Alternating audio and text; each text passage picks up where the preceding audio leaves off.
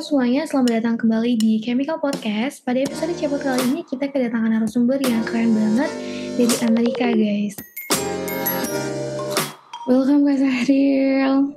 Apa kabar nih Kak? Alhamdulillah, kabarnya luar biasa baik. Eh, Ngomong-ngomong Kak Sahril ini lagi di New York ya Kak? Jadi langsung dari New York ya kan Kak?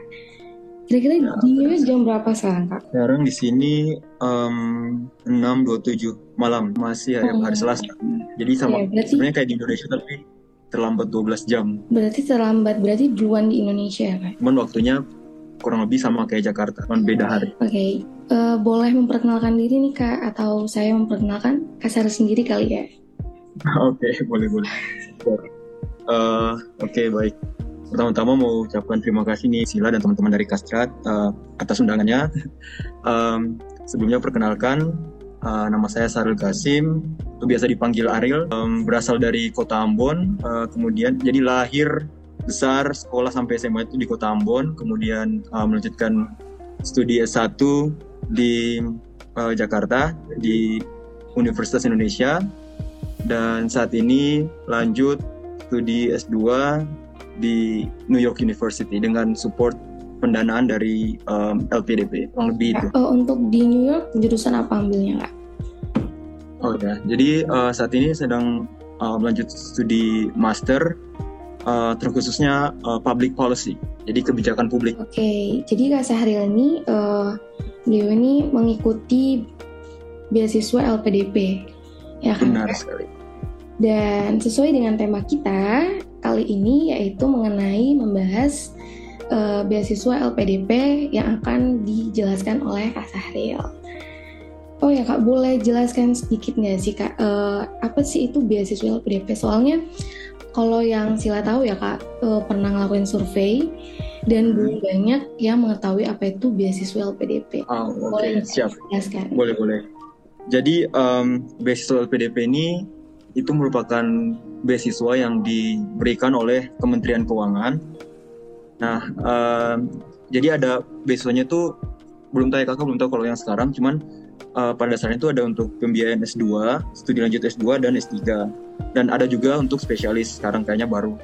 Nah, untuk S2 dan S3 itu juga ada di dalam negeri maupun untuk yang di luar negeri. Jadi uh, untuk jenis-jenis beasiswanya sendiri itu ada beberapa, ada beasiswa reguler, LPDP reguler, ada juga beasiswa LPDP afirmasi. Nah, afirmasi ini itu khusus untuk uh, kita-kita ini yang dari daerah Indonesia Timur atau dari afirmasi untuk uh, santri, ada juga untuk LPDP uh, Polri dan PNS. Jadi untuk teman-teman Polri dan teman-teman PNS juga bisa mengikuti uh, seleksi LPDP tapi jalur yang uh, untuk PNS dan uh, Polri. Oh ada juga satu untuk LPDP uh, perguruan tinggi utama dunia. Nah itu untuk teman-teman yang ingin melanjutkan studi di perguruan tinggi perguruan tinggi uh, peringkat utama di dunia. Nah itu ada jalur jalurnya sendiri juga. Kalau Kak Sahril mengikuti jalur apa Kak? Nah dulu kakak itu ikutnya yang uh, Indonesia Timur. Jadi LPDP Indonesia Timur. Jadi uh, kalau kalau sekarang itu namanya sudah jadi uh, be- beasiswa LPDP af- daerah afir- afirmasi. Eh, kalau gitu, Sila pengen tahu eh, apa sih motivasi Kak Saril ikut LPDP gitu lanjutin S2 kan eh, S1 aja udah sukses kan kemarin maksudnya udah mengikuti banyak kegiatan udah eh, ada hasilnya lah kalau misalnya kalau dari CV-nya kalau daftar kerja pasti diterima kan Kak tapi kenapa sih Kak lanjutin S2 lagi? Um, mana ya? so basically kakak dari aw- dari awal tuh udah memang udah punya pemikiran nih, udah punya rencana bak bakal lanjut um, like higher education, bakal lanjut S2 atau ma- maupun mungkin nanti rencana S3 insya Allah.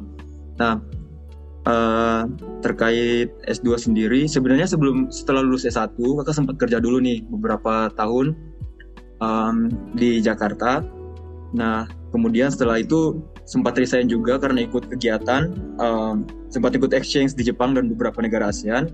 Nah pulang dari exchange itu mulai ada rasa ter- terdorong nih, kayaknya ini nih waktu yang tepat buat ikut, um, buat lanjut lagi studi S2. Nah kebetulan saat itu beasiswa LPDP sedang buka. Uh, pendaftaran tahun 2000 berapa ya? 19 kalau nggak salah waktu itu. Nah, jadi mulailah coba-coba daftar uh, untuk beasiswa LPDP dan alhamdulillah diterima. Uh, selanjutnya mulailah proses pencarian kampus gitu. Jadi uh, sebenarnya motivasinya itu karena terkait juga di sama future future apa ya kalau mau bilang uh, plannya karir plannya uh, ke depan kakak pengen uh, melanjutkan karir di misalnya di uh, kayak UN uh, PBB UN atau PBB nah cuman sempat dulu sempat mau daftar terdaftar uh, dan kebanyakan syaratnya itu uh, mereka mencari yang punya background S2 gitu so that's why uh, salah satu motivasi untuk melanjutkan S2 itu biar bisa juga punya kualifikasi nanti lanjut uh, bekerja di UN. Oh, Oke, okay. berarti karena mau kerja di UN PBB. Uh, exactly, ya itu salah satu impian sih sebenarnya. Oke, okay. bukan dari awal ya kak ya? Atau mungkin kakak pernah lihat beasiswa LPDP, terus oh nanti nih dua tahun lagi ikut ini nih kayak gitu. oh. gitu. Uh, uh, kalau mau dibilang sebenarnya nggak juga sih nggak nggak maksudnya bukan karena udah lihat dari awal lihat beasiswa PDP terus pengen daftar uh, sebenarnya nggak cuman emang dari dulu emang sudah niat gitu mau lanjut S2 cuman belum ada belum tahu aja kapan mau lanjutnya gitu. dan kebetulan pada saat uh, waktu itu iseng-iseng nyari terus ada teman juga yang udah diterima LPDP sharing-sharing wah jadi terdorong juga nih termotivasi buat daftar juga gitu untuk beasiswa yang sama LPDP. Kalau boleh tahu seleksinya tuh susah apa gampang kak? yang namanya seleksi pasti. Kalau gampang pasti langsung diterima semua. Uh, so um, prosesnya sih lumayan ya lumayan ya. Uh, karena kita harus awalnya itu harus ada proses administrasi. Uh, administrasi itu mencakup esai jadi kita bikin esai terus pengisian apa ya dokumen tas rekomendasi uh, dari atasan ataupun dosen. Kemudian uh, kalau kita selanjutnya kalau lolos uh, seleksi administrasi kita akan lanjut ke seleksi uh, berbasis kompetensi. Kalau SKB seleksi kompetensi ah, lupa nama ininya apa cuman itu semacam tes TPA jadi uh, tes tes TPA kemudian essay on the spot juga. Jadi kita akan bikin essay on the spot. Uh, kalau yang luar negeri akan menulis essay langsung dalam bahasa Inggris dan kalau untuk yang tujuan kampus dalam negeri bisa menggunakan menulis essay dalam bahasa Indonesia Nah, kalau misalnya kita lolos seleksi kedua itu tahap kedua, kita akan lanjut lagi ke tahap ketiga. Itu itu seleksi um, interview, interview dengan expert dan juga orang-orang dari LPDP. Sama interview wawasan kebangsaan. Kalau Kak Sahri ini termasuk orang yang tes langsung masuk atau butuh beberapa kali percobaan? ya alhamdulillah pertama coba ah. langsung saya dapat ya. Ini banget berarti ya. beruntung uh, aja untung. Uh, kalau misalnya nih kak uh, ada teman-teman yang ingin masuk tertarik habis dengar ini masuk LPDP kira-kira uh, kriteria apa sih yang harus mereka persiapkan untuk jadi untuk, atau untuk jadi wardi ya iya untuk uh, daftar atau kayak hal-hal yang waktu Kak Sahril proses pendaftaran seleksi hmm. terus Kak Sahril bilang e, andai waktu awal tuh harus mempersiapkan ini gitu ikut ini gitu. Jadi agak lebih mudah gitu. Atau kayak penyesalan penyesalan gitu nggak ada ya kak? Sih belum ada gitu. Dan semoga nggak ada ya. Nah um, terkait persiapan sebenarnya it's a long process ya. Um, bisa dari jam misalnya dari sekarang nih adik-adik yang masih di S1 gitu masih kuliah um, untuk daftar kan kita butuh nih ada CV juga uh, pengalaman-pengalaman organisasi uh, atau mungkin pengalaman kerja itu sangat sangat penting gitu. Jadi kalau mau mau persiapan bisa dari jauh-jauh hari, bisa dari sekarang misalnya yang masih di S1, masih kuliah, aktif organisasi, uh, kemudian ikut kegiatan-kegiatan mungkin ya disambil nilainya juga kalau bisa dijaga gitu. Uh, apa namanya? IPK-nya gitu. Soalnya kalau LPDP itu kan ada standar uh, apa ya? syarat uh, eh, IPK kalau nggak salah untuk yang dalam negeri itu 2,75 sama yang luar negeri itu tiga minimal 3 gitu IPK-nya. Nah, selanjutnya juga di, selain uh, persiapan administrasi itu ada juga nih misalnya untuk persiapan uh, tes skor bahasa Inggris, IELTS atau TOEFL. Nah, itu juga juga penting nih buat seleksi LPDP. Meskipun di dalam negeri juga ada syaratnya untuk uh, persiapan TOEFL walaupun ITP gitu. Tetap ada. Um, Nah, sama yang tadi kakak bilang terkait dengan pengalaman organisasi atau kerja itu juga sangat penting karena pada saat pendaftaran itu kita nanti diminta nih uh, untuk input uh, untuk uh, apa namanya submit rekomendasi gitu. Nah, rekomendasi ini bisa dari atasan kita atau dari um, dosen gitu. Nah, ini sangat penting rekomendasi buat uh, support aplikasi kita di saat saat daftar LPDP. Sama uh, intinya tuh kita tahu nih tujuan jelas kita akan uh, mau lanjut S2 ini apa gitu. Karena saat menulis menulis esai itu harus dijabarkan uh, kenapa sih kita perlu sekali untuk ambil S2 ini gitu. Dan kenapa harus misalnya kalau mau ke luar negeri, kenapa kita harus ambil di luar negeri gitu. Kenapa nggak di Indonesia gitu. Kenapa kita harus ambil jurusan ini gitu. Jadi harus jelas uh, pada saat bikin uh, apa saat saat daftarnya gitu. Soalnya nanti saat pada di tahap akhir kan ada interview. Nah di situ kita akan benar-benar ditanya nih. Jadi dari tiga orang sekaligus akan ditanya nonstop. Jadi terkait uh, kira-kira kita siap nggak sih untuk lanjut S2 kayak gitu. Jadi benar-benar harus dipersiapkan, harus punya visi yang jelas. Hmm, berarti LPDP itu bisa gunain juga buat dalam negeri ya, Kak Unif dalam negeri ya, juga. Benar. Jadi uh, eh, LPDP tadi ada yang bisa untuk lanjut S2 maupun S3 di dalam negeri, di kampus dalam negeri, atau kampus luar negeri gitu. Jadi terus untuk syaratnya tadi beda. Jadi ya nggak terlalu banyak beda sih. Cuman kalau nggak salah itu untuk terutama untuk magister atau S2 itu syarat minimal yang dalam negeri itu kalau nggak salah 2,75 um, sama yang uh, luar negeri itu tiga gitu. Kalau nggak salah ya uh, mungkin sekarang ada data uh, informasi terupdate. Atau mungkin mungkin teman-teman mau tahu lebih banyak infonya bisa langsung ke apa namanya websitenya LPDP uh, di situ langsung ada buklet bukletnya juga. Teman-teman uh, mungkin bisa baca lebih detail lagi di websitenya LPDP. Um, kan sama Kak Saril sendiri nih yang lolos seleksi LPDP. Boleh minta tips nulis esainya nggak sih Kak? Kayak hal-hal yang harus diperhatikan gitu supaya keterima. Uh, uh, untuk esai sendiri tuh um, pada saat seleksi administrasi itu masih pakai bahasa Indonesia. Nah, dan esainya itu juga sudah ada temanya nih yang diberikan sama uh, dari LPDP gitu. Jadi kalau waktu kakak dulu itu uh, tem judul kayak tema utamanya itu adalah kontribusi untuk negeri. Kalau nggak sih ya kalau nggak salah waktu itu itu kontribusi kita untuk negeri. Sama kita harus juga bikin satu lagi uh, tulisan tentang uh, study plan uh, rencana studi kita. Nah yang kontribusi oh. untuk negeri itu basically um, kita menulis tentang kira-kira kalau kita apa yang sudah kita lakukan selama ini uh, sama nanti kalau misalnya kita balik kita mau melakukan apa untuk Indonesia kontribusi apa untuk Indonesia Nah terkait kontribusi ini itu nggak harus yang sesuatu yang wow, sesuatu yang besar. Kayak hal-hal simple, kita misalnya melakukan uh, kegiatan volunteer di mana, desa apa atau di lingkungan mana, itu sebenarnya juga sudah sudah bisa terhitung sebagai kontribusi kita gitu. At least kita melakukan sesuatu, melakukan sesuatu untuk uh, masyarakat dan lingkungan sekitar. Nah, um, jadi itu makanya kakak tadi bilang kayak mumpung masih di bangku kuliah sekarang bisa dia satu perbanyak-banyak uh, ikut aktif organisasi uh, misalnya kayak Sila sekarang di apa Kastrat ya.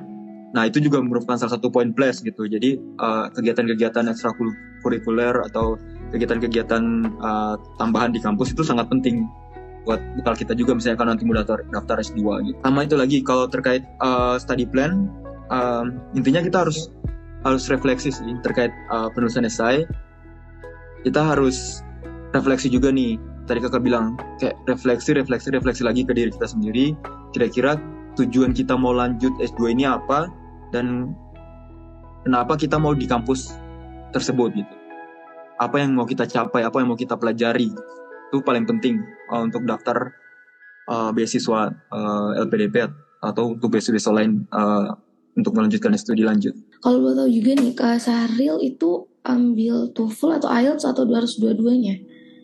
Oh ya, jadi kita bisa milih uh, untuk ambil TOEFL atau IELTS. Nah, untuk pendaftaran LPDP sendiri, sebenarnya uh, waktu itu kakak karena ambilnya dari Indonesia Timur, LPDP Indonesia Timur, kita agak sedikit dimudahkan nih. Jadi boleh ambil daftar menggunakan TOEFL ITP. Nah, TOEFL ITP ini adalah TOEFL yang uh, kalau mau dibilang masih diterima untuk institusi-institusi yang ada di Indonesia gitu. Jadi bukan yang internasional. Nah, dulu saat daftar LPDP kakak masih menggunakan TOEFL ITP. Uh, nah, tapi untuk daftar kampus itu kita perlu uh, either IELTS atau TOEFL IBT gitu. ya nah saat daftar kampus kakak menggunakan IELTS kan yang tadi kakak bilang barusan uh, kita harus uh, pikir apa yang akan kita kontribusikan untuk negara kan kalau balik lagi ke Indonesia. Nah berarti LPDP ini sifatnya mengikat ya kak? Nah sebenarnya kalau mengikat atau enggaknya sebenarnya nggak terlalu mengikat karena kita nggak ya sebenarnya kita disuruh setelah lulus harus balik lagi uh, ke negara untuk kerja misalnya di Indonesia. Nah, cuman kita nggak nggak mengikat yang kayak yang sangat-sangat mengikat gitu ya, karena kita masih dibebaskan untuk nanti mencari pekerjaan di bidang apa gitu setelah setelah balik juga gitu. Nah, cuman uh, sada, pada saat kita lulus menjadi awardee itu akan ada kontrak juga yang kita yang perlu kita tanda tangani. Gitu. Jadi uh, beberapa hal-hal seperti misalnya setelah lulus kita akan balik bekerja ke Indonesia uh, dan pokoknya harus selalu report lah juga uh, kepada yang PDP gitu. Berarti Kak Saril sampai sekarang masih report juga ya Kak? Iya, jadi kita uh, per, semester, per semester tuh jadi ada sistem kayak ada sistem khusus untuk LPDP. Hmm. Per semester itu kita akan ada reportnya di situ kira-kira semester ini kita belajarnya apa aja, kegiatan kita yang kita ikuti selama semester ini apa aja. Jadi semuanya tuh di report di dalam sistemnya itu. Jadi uh, akan di, dicek juga dimonitor oleh eh, orang-orang uh, di uh, LPDP sendiri. Tapi Kak Saril ada bayangan ya kalau misalnya habis dari sini ke mana habis itu atau balik dulu ke Indonesia. Nah terus kalau balik ke Indonesia tuh maksudnya uh, setelah lulus kita lapor terus jangkauannya berapa lama kak? Maksudnya uh, keterikatannya tuh berapa lama harus berkontribusi sama Indonesia?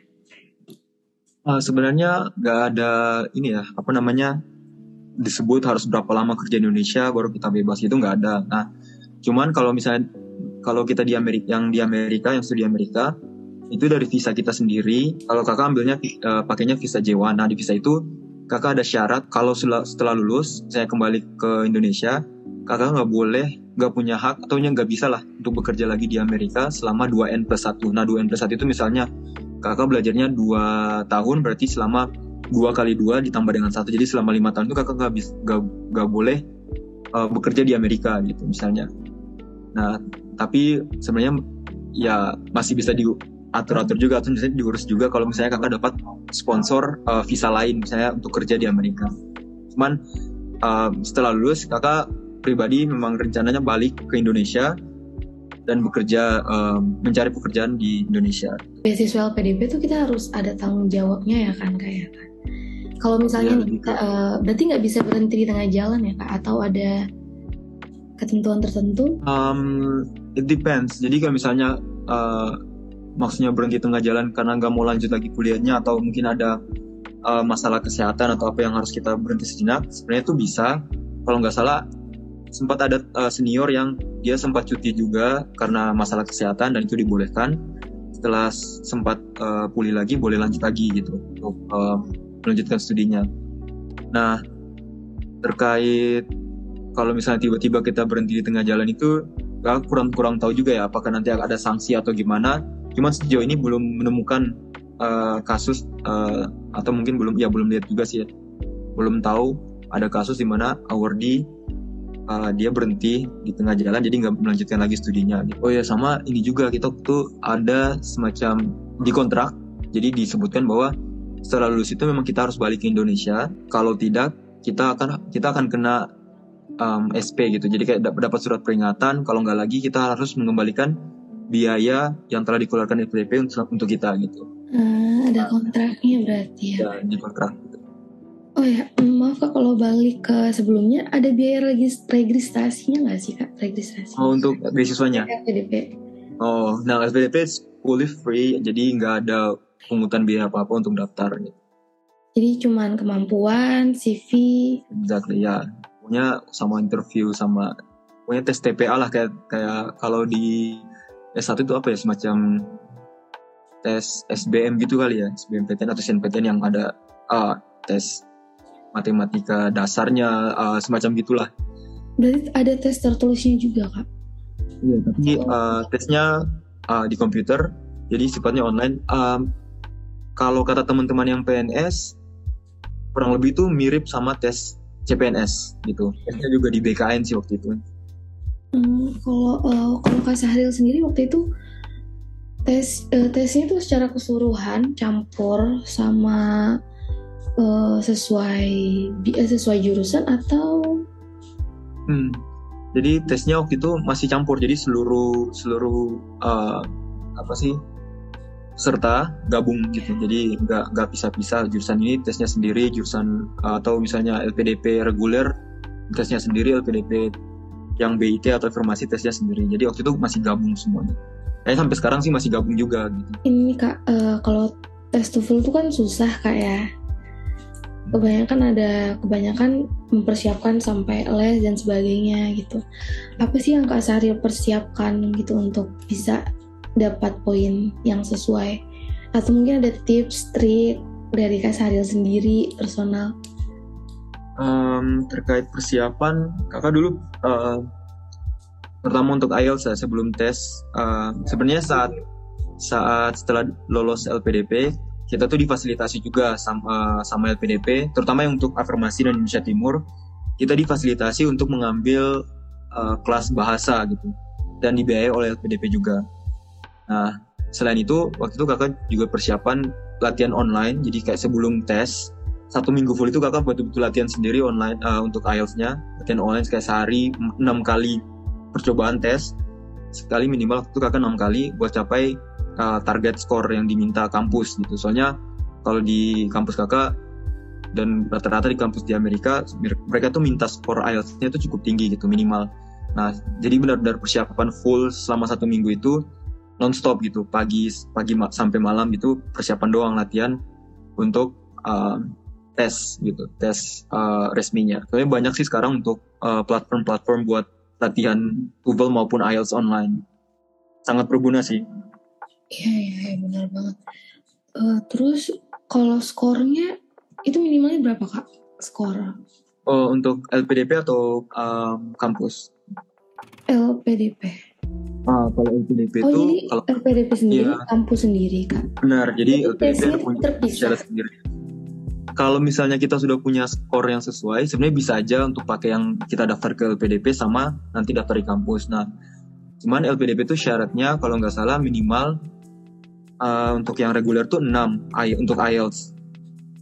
Uh, 6 atau 6,5 ya kakak lupa. Nah kalau kalau yang di yang di luar negeri ya itu untuk yang luar negeri. Kalau dalam negeri itu kalau nggak salah uh, eh, 5,5 atau 6 gitu untuk syarat syarat IELTS-nya. Nah, kalau kampus kampusnya kakak itu mereka minta terutama jurusannya jurusannya kakak ya di di public uh, administrasi itu mereka mintanya minimal skornya 7,5 untuk uh, IELTS.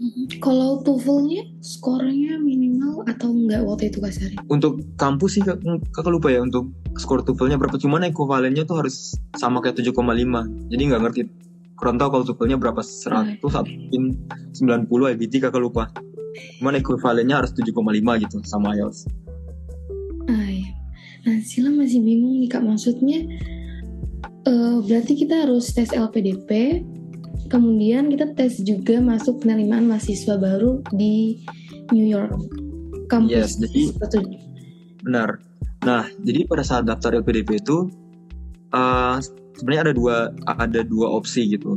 Pertama, kita bisa daftar LPDP dulu tanpa jadi tanpa ini kampus. Jadi kita di awal tuh sudah harus misalnya pilih nih kita mau daftar nanti di tiga kampus mana gitu. Kakak dulu dikasih tiga pilihan uh, mau daftar di tiga kampus mana. Jadi daftar kakak daftar LPDP dulu, setelah dapat LPDP, baru kakak daftar ke kampus yang kakak pilih ini di uh, pada saat awal daftar LPDP gitu. Nah ada juga pilihan kedua, misalnya ada udah daftar kampus dulu, udah dapat surat surat uh, apa sih kalau kita bilang LOA, kayak surat bukti keterima lah di kampus, baru daftar LPDP itu juga bisa gitu. Jadi ada dua ada dua uh, pilihan skenario nya lah gitu bisa dapat kampus dulu baru daftar LPDP atau sebaliknya dapat LPDP, eh, LPDP dulu baru um, daftar kampus. Tapi berkasnya oh ya berarti uh, berarti berkasnya lumayan banyak juga ya kak ya harus LPDP iya, kampus. Benar jadi uh, lumayan that's why uh, kakak bilangnya lumayan prosesnya lumayan lah lumayan menguras tenaga menguras otak juga karena dua-duanya punya proses uh, seleksi masing-masing yang berbeda gitu. Jadi LPDP sendiri, kampus nanti sendiri lagi gitu persiapannya. Nah, Sila pernah baca uh, kalau LPDP itu uh, ini nggak kalau mau ngambil yang luar negeri itu kampus luar negeri harus ada uh, rekomendasi dari dosen uh, dari dosen univ itu benar nggak sih kak? Oh universitas tujuan? Iya. Uh, kayaknya kalau terkait hal itu bisa gimana ya tergantung kampus tujuan kayaknya dan negara tujuan. Ada negara yang di mana kita, uh, misalnya nih kayak salah satu teman kemarin ke Korea dia harus misalnya email dosen dulu yang ada di sana nanya minta uh, jadi uh, email kira-kira dia tertarik sama apa research dosen tersebut terus dia mulai minta rekomendasi dari dosen itu buat support dia daftar di kampus itu juga ada. Nah kalau misalnya di kakak di tempat di kampusnya kakak dan dosennya kakak ini uh, kita nggak nggak pakai yang kayak gitu gitu. Jadi misalnya kita cuman butuh rekomendasi dari dosen kita yang saat S1 kemudian atasan kita saat kerja uh, ya sama pokoknya supervisor atau leadernya kita lah pada saat uh, di organisasi misalnya. It depends dari di negara dari negaranya sama uh, kampusnya juga. Oke, okay. uh, berarti LPDP ini sulit juga ya. Kalau zaman waktu Kak Sahril itu banyak yang daftar nggak Kak? Uh, setiap tahun banyak LPDP. Uh, ribuan kayaknya yang daftar selalu. Terus tapi LPDP itu nggak kalau nggak salah itu nggak pakai kuota. Jadi as long as uh, kita memenuhi apa sih standarnya LPDP, siapa pun yang memenuhi kualifikasi itu, dia pasti akan diterima gitu. Jadi nggak ada batasan uh, berapa orang saja yang terima tiap-tiap tahun itu nggak ada sebenarnya. Bahkan hmm. kadang kuota yang ada di bahkan kadang tuh nggak mencapai target yang di, di ininya LPDP gitu untuk tiap tahunnya. Gak mencapai target maksudnya yang daftar? Kayak misalnya mereka ya, jadi kayak misalnya LPDP, LPDP targetnya mau biayai misalnya berapa ribu orang gitu. Tapi kadang tiap tahun tuh nggak capai target itu gitu. Bahkan di bawah itu yang berarti kurang peminat atau gimana kak? Atau nah kalau itu kakak kurang ya ada yang belum mungkin belum memenuhi syarat juga. Kalau peminat sih kayaknya banyak sekali gitu. Untuk PDP kira-kira kak Sari orang kayak kak Sari ini pernah stres gak sih kak? Stres down. Eh, nggak uh, percaya gitu uh, stres ya kalau dibilang stres ya sampai depresi stres banget sih um, alhamdulillah belum pernah ya. Tapi cuman pasti kayak tiba-tiba kayak panik kepikiran karena terlalu banyak misalnya tugas atau banyak dikerja dikerjakan itu uh, pasti ada pasti pernah gitu. Sempat merasakan demotivasi juga pernah gitu. Karena terlalu overwhelmed sama tugas-tugas kemudian sama misalnya kerjaan terus itu pernah. gitu cuma ya kembali lagi sama tujuan kita kan sama uh, apa sih namanya goalnya kita gitu. Jadi itulah yang kadang kalau misalnya kakak sudah merasa kayak dimotivasi ya kakak melakukan hal lain dulu gitu. Cari pokoknya melakukan apa sih kayak refreshing atau semacamnya. Kemudian baru kembali lagi melakukan kerjaan-kerjaan yang yang banyak itu. Hmm, kasih ada ada tips khusus nggak kak? Mungkin olahraga atau diam-diam Kak Saril ngapain? Olahraga ya sometimes ya kalau kalau yang sekarang sih lebih ke kalau misalnya banyak pikiran jalan-jalan kayak keliling kota gitu atau pergi ke bioskop nonton sendiri gitu. Kadang ajak teman-teman kayak hangout ngobrol-ngobrol kayak cari teman sharing gitu. Nah kalau dulu dia satu juga kayak gitu lebih ke olahraga juga kalau misalnya lagi banyak pikiran olahraga kayak kumpul sama teman-teman sih it really it's really helps gitu helpful sekali jadi kayak sharing sama kayak ada orang yang buat cerita-cerita itu sangat-sangat membantu gitu kan buat release um, stress. Terima kasih tipsnya Kak Saril. Uh, ngomong-ngomong di one more thing sorry. Kenapa One more thing, one more thing. Jadi sometimes uh, kalau misalnya kakak rasa kurang kurang termotivasi, uh, I tend to watch kayak video-video di YouTube kayak inspirasi kayak mahasiswa-mahasiswa Indonesia yang study di luar negeri atau mahasiswa-mahasiswa Indonesia yang punya achievement apa. So itu sangat-sangat membantu gitu. It's really like boost my uh, motivation gitu. Kalau misalnya nonton ah mau, mau dia Ayunda dia prestasinya gini-gini dia bikin prestasi ini atau siapa gitu dia bikin prestasi ini itu really, really kayak sangat-sangat apa ya bantu bantu untuk kasih inspirasi gitu bangkitkan motivasi gitu jadi that's one of the way yang kakak sering gunakan juga gitu nonton YouTube dia dia cari-cari inspirasi atau sumber motiv motivasi gitu. Oh atau jangan-jangan Kak Saril ikut ini tuh gara-gara Kak mau dia? Enggak ya?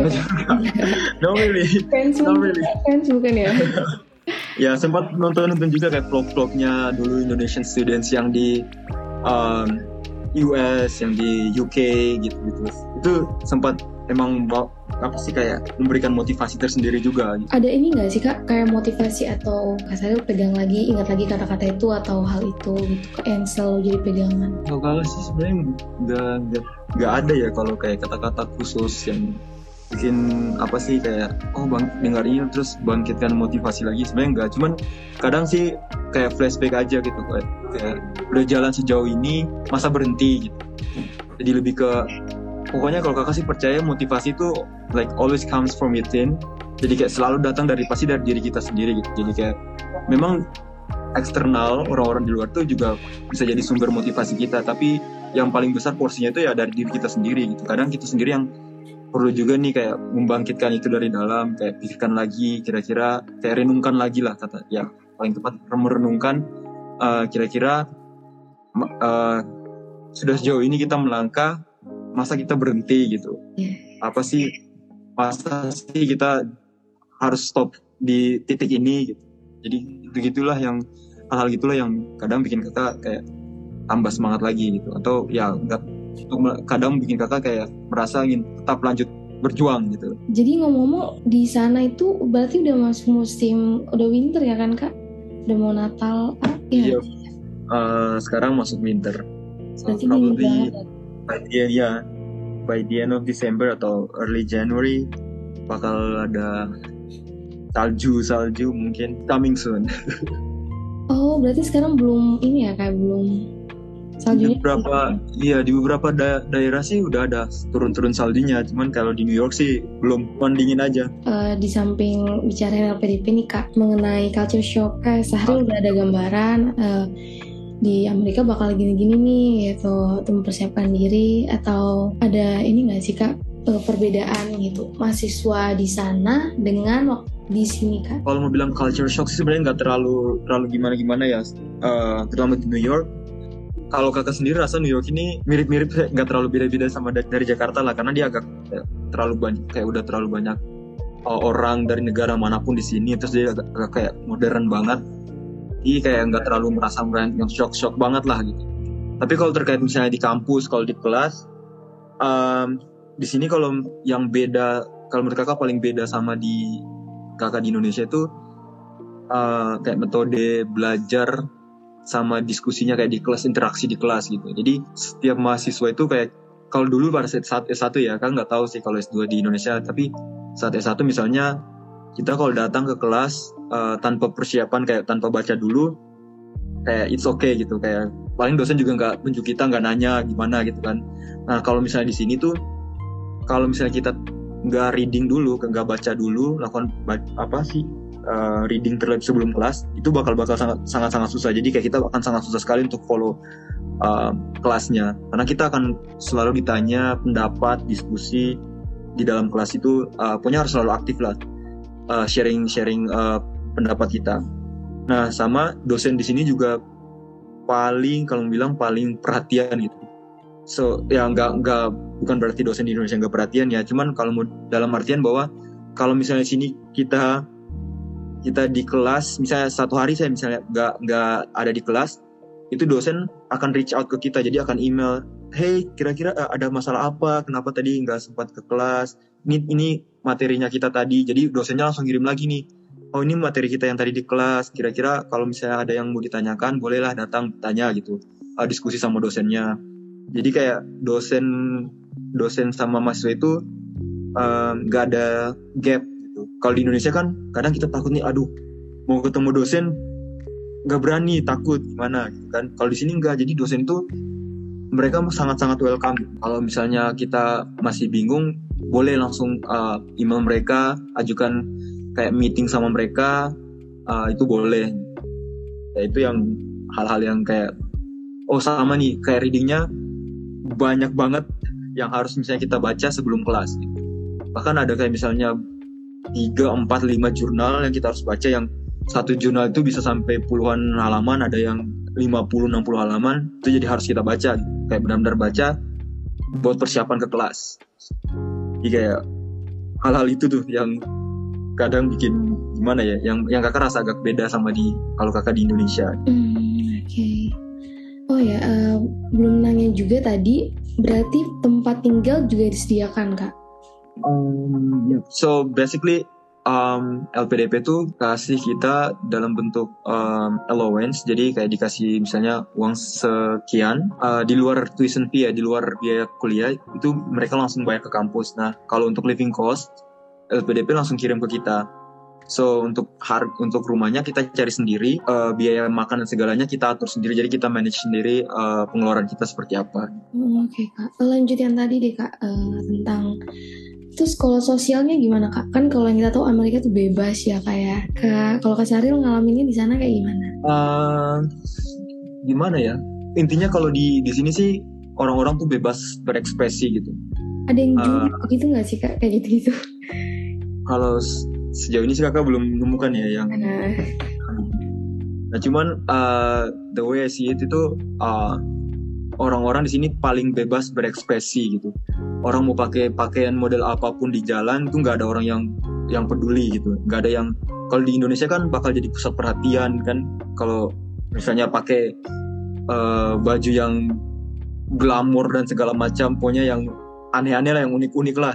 Itu pasti akan jadi pusat perhatian kalau di jalan. Ini orang dia pakai baju terserah dia lah sebebas dia di jalan tuh nggak masalah gitu. Di kampus pun juga ya orang dandan segala macam bebas gitu and nggak masalah mm, oke okay.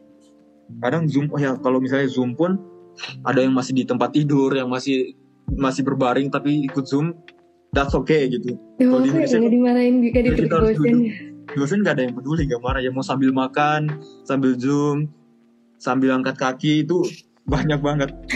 Santai. Kelas juga gitu dan duduk sambil angkat kaki sambil ini itu jadi hal biasa gitu. Berarti mas di sana pembelajarannya masih online juga ya kak ada online Kalau, juga? Uh, untuk beberapa kelas ada yang jadi uh, hybrid jadi bisa online bisa uh, in person gitu. Kalau dulu saat pertama awal-awal datang itu um, beberapa kelas yang full online, ada juga yang tatap muka cuman kadang misalnya kalau kita rasa bisa merasa kayak kurang enak badan atau apa bisa request atau bisa email dosennya untuk ikut kelasnya online. Okay.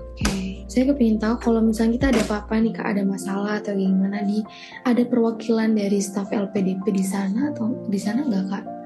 Dari pemerintahan um, yang khusus menangani gitu mungkin kak? So kalau kita sih misalnya di luar negeri itu pasti orang tuanya orang tua kita itu adalah KJRI pokoknya orang-orang di kedutaan lah uh, sorry ya jadi konsulat jenderal atau apa uh, perwakilan dari Indonesia itu adalah tempat kita untuk kayak lapor apa-apa kejadian apa-apa yang terjadi ke kita gitu. Jadi perwakilan-perwakilan uh, dari Indonesia. Itu ada. Jadi tapi bukan khusus dari LPDP dari LPDP yang ada di sini enggak. Oh gitu. Tapi di sana tuh kira-kira kalau boleh tahu nih kak ya secara langsung kakak di sana narkoba itu nggak se ini ya nggak nggak sebebas itu ya teh narkoba um, oh ya nggak narkoba sih kayaknya belum tahu ya. Cuman kalau misalnya semacam ganja nah kalau ganja itu legal jadi banyak banget. Jadi kalau di, di New York ini terutama itu bau ganjanya di mana-mana gitu. Keras sekali baunya sangat. Jadi karena bebas kan apa sih legal kan. Jadi orang-orang banyak yang ganja di jalan-jalan. Mm. itu baunya strong sekali. Berarti nggak ada hukumnya gitu ya kak yang ngatur? Oh, dia uh, di sini legal gitu. Jadi orang-orang dia mereka jual ganja di toko-toko gitu ada. Kalau boleh tahu di New York masih ada COVID nggak sih kak? Uh, COVID ada. Jadi terakhir minggu baru minggu kemarin libur Thanksgiving uh, beberapa teman bahkan teman Indonesia juga ada yang positif COVID ya. Nah jadi kelas langsung dialihkan online gitu gara-gara ada yang beberapa orang yang positif terkonfirmasi positif COVID. Oh ya, kak uh, lupa juga mengenai CV kak. Nah kan sih hmm. uh, lihat CV kak Sahril itu terpisah-terpisah gitu kan ada mengenai kegiatan yang saya ikuti terus pendidikan terus abis itu ada volunteer juga nah itu lebih baik itu kayak gitu uh, tips visi yang bagus gimana sih kak kalau yang kak Saril Nah, iya Ya, itu tergantung. Jadi kalau untuk res- resume atau CV itu tergantung juga sama eh, disesuai- disesuaikan sama yang diminta kampus atau negara tujuannya. Kampus di negara tujuannya. Soalnya yang di Eropa sama Amerika tuh sangat-sangat beda sekali apa namanya eh, CV-nya, formatnya gitu. Nah kalau yang kakak kirim itu adalah format yang di US, jadi dia simple gitu doang. Kayak bullet points, eh, kayak head subheading sama headingsnya apa, terus tulislah eh, apa namanya kira-kira kegiatan apa uh, poin-poinnya apa aja gitu. Nah kalau di Eropa yang Eropa, terus kalau yang di US tuh nggak boleh ada foto kita nggak boleh ada gitu kayak uh, ditulis apa lagi ya? Ya basically foto itu kita nggak nggak masukin terus desain-desain yang aneh-aneh yang banyak-banyak itu nggak nggak perlu mereka di sini gitu. Nah kalau yang di Eropa kurang tahu uh, kemungkinan boleh pakai foto gitu. Ada yang boleh kayak di dicantumkan foto. Di Indonesia juga kayak gitu kan, uh, di rata-rata pakai foto kan. Nah kalau di US tuh nggak boleh gitu. Ya nggak di nggak nggak formatnya mereka tuh sangat beda gitu. terus kalau volunteer itu wajib banget ya kayak kayak mungkin kalau volunteer kalau kalian pernah ikut volunteer gitu itu bakal diterima gitu Uh, sebenarnya nggak menjamin juga, cuman kayak itu poin plus, uh, poin plus kalau kita tuh juga ya kita aktif kontribusi ke ke masyarakat ya di luar dari akademi kita ya, jadi kita juga aktif di sosial gitu. oh, Nah tapi kalau bisa ya volunteernya itu emang benar-benar uh, ya niatnya buat volunteer gitu bukan bukan volunteer karena niatnya mau beasiswa atau niatnya mau uh, apa nama daftar kerjaan atau daftar apa gitu ya. Oh iya, oke Kak Sahril, eh, segitu aja dulu, udah banyak banget. Makasih banyak banget Kak, udah nyempetin waktunya yang sibuk banget dari kalian nggak nggak jadi jadi iya nggak apa Kak. Suatu kehormatan sih Kak bisa wawancara sama Kak Sahril, ngomong langsung kan dari sana. Thank you. Terima kasih semuanya yang udah dengerin podcast kali ini. Jangan bosan-bosan, stay tune for another podcast.